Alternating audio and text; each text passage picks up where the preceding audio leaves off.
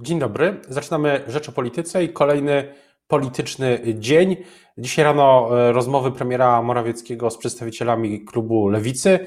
Rząd ma zająć się decyzją o zasobach własnych e, Unii Europejskiej i tak e, startuje ten polityczny dzień. Dzień dobry. A moim Państwa gościem dzisiaj jest posłanka Lewicy Agnieszka Dziemianowicz-Bąk. Dzień dobry. Dzień dobry Panie Redaktorze, dzień dobry Państwu.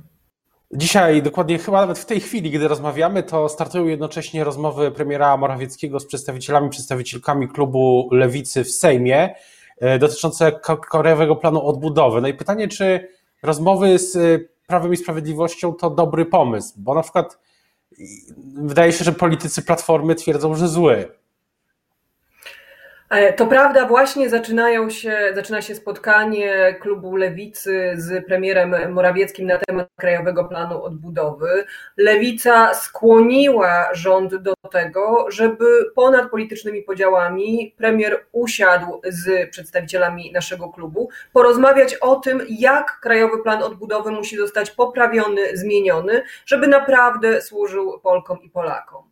E, to jest taki czas, e, wychodzenie z pandemii, czas po pandemii, w którym każdy polityk, bez względu na barwy klubowe, na barwy partyjne, powinien mieć jeden priorytet. Zapewnienie obywatelom i obywatelkom, że ten czas po pandemii to będzie czas realnej odbudowy. Odbudowy ochrony zdrowia, odbudowy gospodarki, odbudowy miejsc pracy. Do tej odbudowy potrzebne są pieniądze i Unia Europejska takie pieniądze oferuje. Oferuje je nie dla tego czy innego rządu, tylko oferuje je dla obywateli Zjednoczonej Europy. Europy.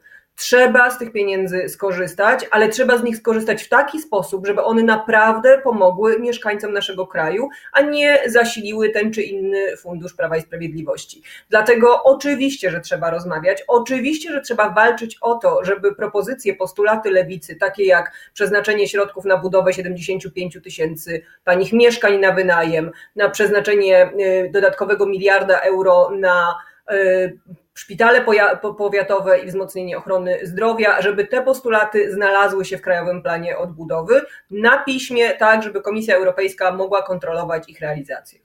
A czyli jeśli te postulaty zostaną, jeśli dobrze rozumiem sytuację, to jeśli te postulaty zostaną e, spełnione, to Lewica i pani w tym zagłosuje za e, ratyfikacją decyzji o zasobach własnych.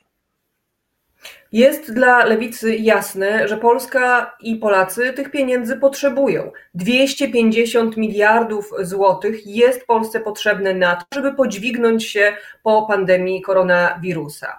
Ale dziś dyskutujemy o tym, co zrobić, żeby te pieniądze naprawdę trafiły do samorządów, na ochronę zdrowia, na mieszkalnictwo, na edukację, na potrzeby mieszkańców Polski. I tak, jeżeli te postulaty zostaną uwzględnione, jeżeli zostaną uwzględnione na piśmie, bo same słowa to zbyt mało, to wtedy z czystym sumieniem lewica będzie mogła zagłosować za ratyfikacją Funduszu Odbudowy. Co więcej, jestem dość przekonana, że jeżeli uda się wynegocjować, wywalczyć wpisanie tych postulatów do Krajowego Planu Odbudowy, to nie tylko lewica zagłosuje za ratyfikacją, ale cała opozycja z czystym sumieniem będzie mogła za ratyfikacją zagłosować, bo nie chce mi się wierzyć w to, co słyszę z ust przedstawicieli Platformy Obywatelskiej, że w imię złośliwości wobec Jarosława Kaczyńskiego są naprawdę naprawdę gotowi zagłosować przeciwko Zjednoczonej Europie ramię w ramię ze Zbigniewem Ziobrą i zabrać Polakom tą cywilizacyjną szansę i te ogromne pieniądze, które im się po prostu należą.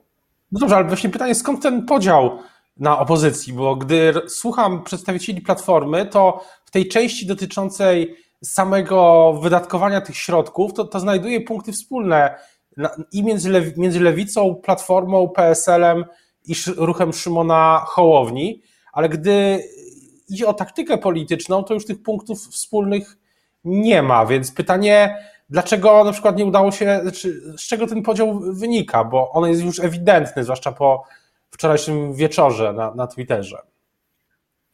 Ja nie rozumiem postawy Platformy Obywatelskiej, która po pierwsze, kilka miesięcy temu apelowała o to, żeby jak najszybciej ratyfikować Europejski Fundusz Odbudowy, żeby premier Morawiecki nie ważył się wetować budżetu unijnego.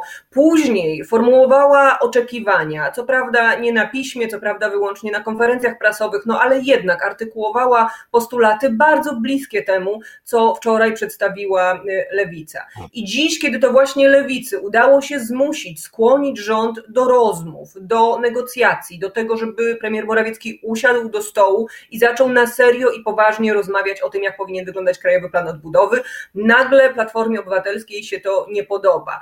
Nie wiem, z czego to wynika. Nie chcę oskarżać swoich kolegów i koleżanek z opozycji o takie cyniczne bicie politycznej piany, bo wiem, że stawka jest zbyt wysoka i głęboko wierzę, że jeśli nam, lewicy, uda się dzisiaj wywalczyć te postulaty i zapisanie ich w Krajowym Planie Odbudowy, to jednak Platforma Obywatelska pójdzie po rozum do głowy i kiedy przyjdzie do głosowania, to będzie chciała głosować za tymi pieniędzmi dla Polek i Polaków, a nie dla Jarosława Kaczyńskiego czy Zbigniewa Ziobro, bo są to pieniądze oczywiście dla Polek i Polaków, ale są to także pieniądze dla całej Zjednoczonej Europy, bo przypominam, że Fundusz Europejski to jest fundusz dla całej Unii Europejskiej, dla wszystkich państw europejskich, więc jeżeli ktokolwiek opowiada się za Zjednoczoną Europą, za silną integracją, no to nie powinien taką lekką ręką odrzucać tego ogromnego cywilizacyjnego planu, jakim jest Fundusz Odbudowy.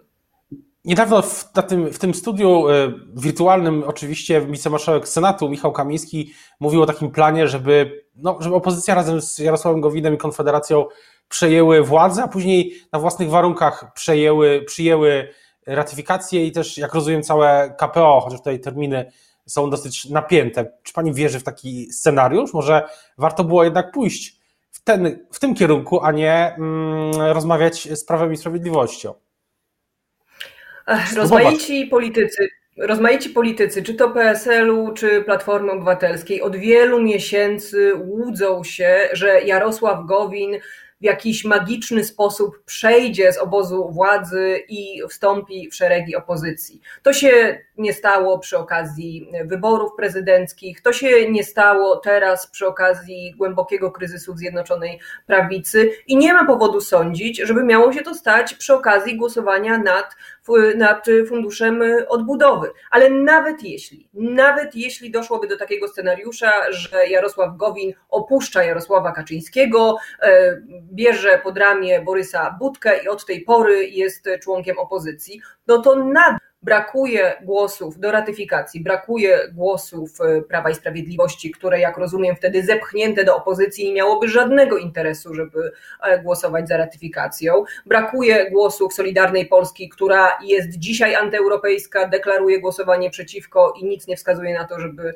miało się to zmienić. I Oczywiście jest jeszcze Konfederacja, która także będzie zawsze przeciwko funduszowi e, odbudowy. Więc ten scenariusz y, kreowany czy to przez marszałka Grodzkiego, czy przez, przez senatora Kamińskiego, czy przez Borysa Budkę, on po prostu nie trzyma się kupy matematycznie i naprawdę najwyższy czas włożyć go między bajki. Gdyby Borys Budka te tygodnie, które poświęcił na kuszenie Gowina, poświęcił na rozmowy z Polkami i Polakami, to być może byłby w stanie przedstawić na piśmie merytoryczne uwagi do Krajowego Planu Odbudowy i dziś to on rozmawiałby z rządem o tym, co w tym Krajowym Planie Odbudowy trzeba zmienić. Naprawdę czas na konkrety, na pracę na rzecz ludzi, a nie na bicie politycznej piany.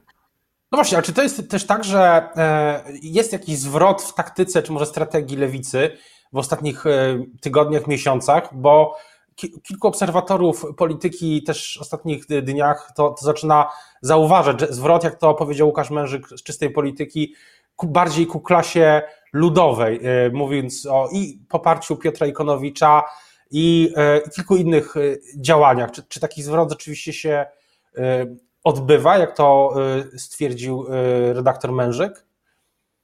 Lewica stała, stoi i będzie stała po stronie ludzi, po stronie ludzi poszkodowanych przez pandemię, przez kryzys gospodarczy, po stronie pracowników, którzy dziś boją się o utratę pracy albo już tę pracę stracili. Nie ma w tym nic zaskakującego. Będziemy zawsze bronili prawa do godnego życia mieszkańców wsi, miasteczek i dużych miast, niezależnie od tego, jakiej są płci, jakiej są orientacji seksualnej, jakie mają poglądy i jaka jest ich sytuacja sytuacja ekonomiczna, więc nie mamy tu raczej do czynienia z szczególnym zwrotem, tylko czasy są takie, kryzys jest tym momentem, czas wychodzenia z pandemii jest tym momentem, kiedy sprawy ekonomiczne, socjalne, gospodarcze wychodzą na pierwszy plan. Bardzo bym chciała, żeby nie tylko lewica, ale także reszta opozycji to dostrzegła, bo Polska nie kończy się na Warszawie, problemy Polski nie kończą się w gmachu Sejmu, tak naprawdę zaczynają się tam, gdzie wzrok Sejmu nie sięga. Tutaj w Kotlinie Kłodzkiej, gdzie dzisiaj jestem, na prowincji, w małych miejscowościach, które najdotkliwiej doświadczyły kryzysu właśnie, związanego z pandemią koronawirusa. To jest, to, jest ważny, to jest ważny wątek i myślę, że też warto się na chwilę nad nim zatrzymać, bo e, czasami mam wrażenie, że to jak spoglądamy na pandemię, to jest spojrzenie poprzez perspektywę e, określonych miast, miejsc, grup, w których dominuje praca, praca zdalna, w których no, głównym problemem jest to, że nie można pójść do klubu fitness, czy do kina, czy do, do, do, do restauracji w sobotni wieczór. A, co, co, co dominuje? To jest pewna perspektywa, ale jakie są inne? Teraz, teraz w Polsce też, tam gdzie, mm, w miejscu, gdzie pani teraz jest, jak tam jest odbierana w ogóle pandemia, jako w ogóle co? Oczywiście, problem pracy zdalnej, ważny, nadal nieuregulowany w kodeksie pracy, który trzeba zaadresować, to jest problem, który dotyczy zaledwie 10% pracowników. Cała reszta nie pracuje zdalnie, cała reszta mm, z 16 milionów osób pracujących w Polsce musi chodzić do pracy pomimo zagrożenia. Nawet do połowy zakażeń koronawirusem dochodzi w zakładach pracy. Tymczasem wciąż brakuje dostatecznych zabezpieczeń w tych zakładach, albo chociażby możliwości wzięcia dnia wolnego na szczepienie, tak żeby zaszczepienie się przeciwko koronawirusowi nie wiązało się z utratą części wynagrodzenia. To są problemy i to są dylematy, którymi żyją ludzie na tak zwanej prowincji, a tak naprawdę poza garstką środowisk z dużych miast, z dużych metropolii.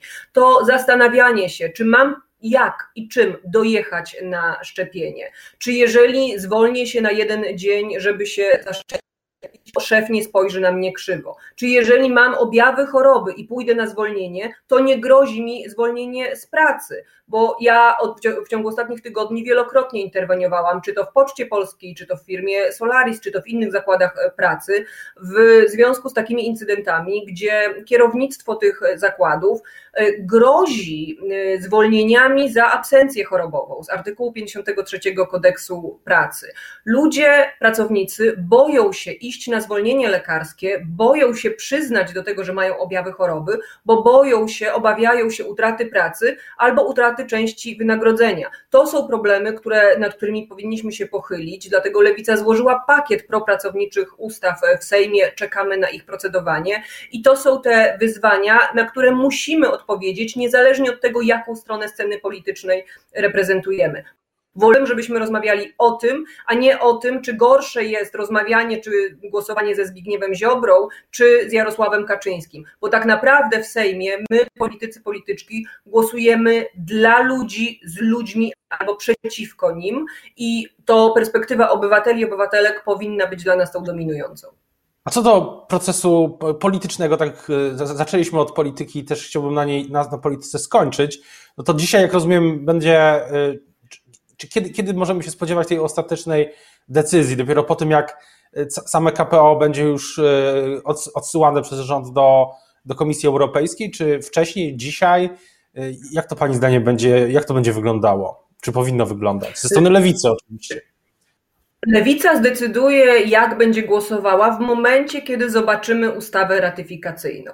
Nie będziemy kupować kota w worku, nie będziemy łatwo wierzyć w ustne deklaracje. Wszystko musi być na piśmie. Na piśmie zarówno włączone w Krajowy Plan Odbudowy, który będzie wysyłany do Komisji Europejskiej, bo to Komisja Europejska będzie sprawowała kontrolę nad wydatkowaniem tych środków, i w ustawie ratyfikacyjnej, która to ustawa będzie dokumentem głosowanym w Sejmie. Sejmie.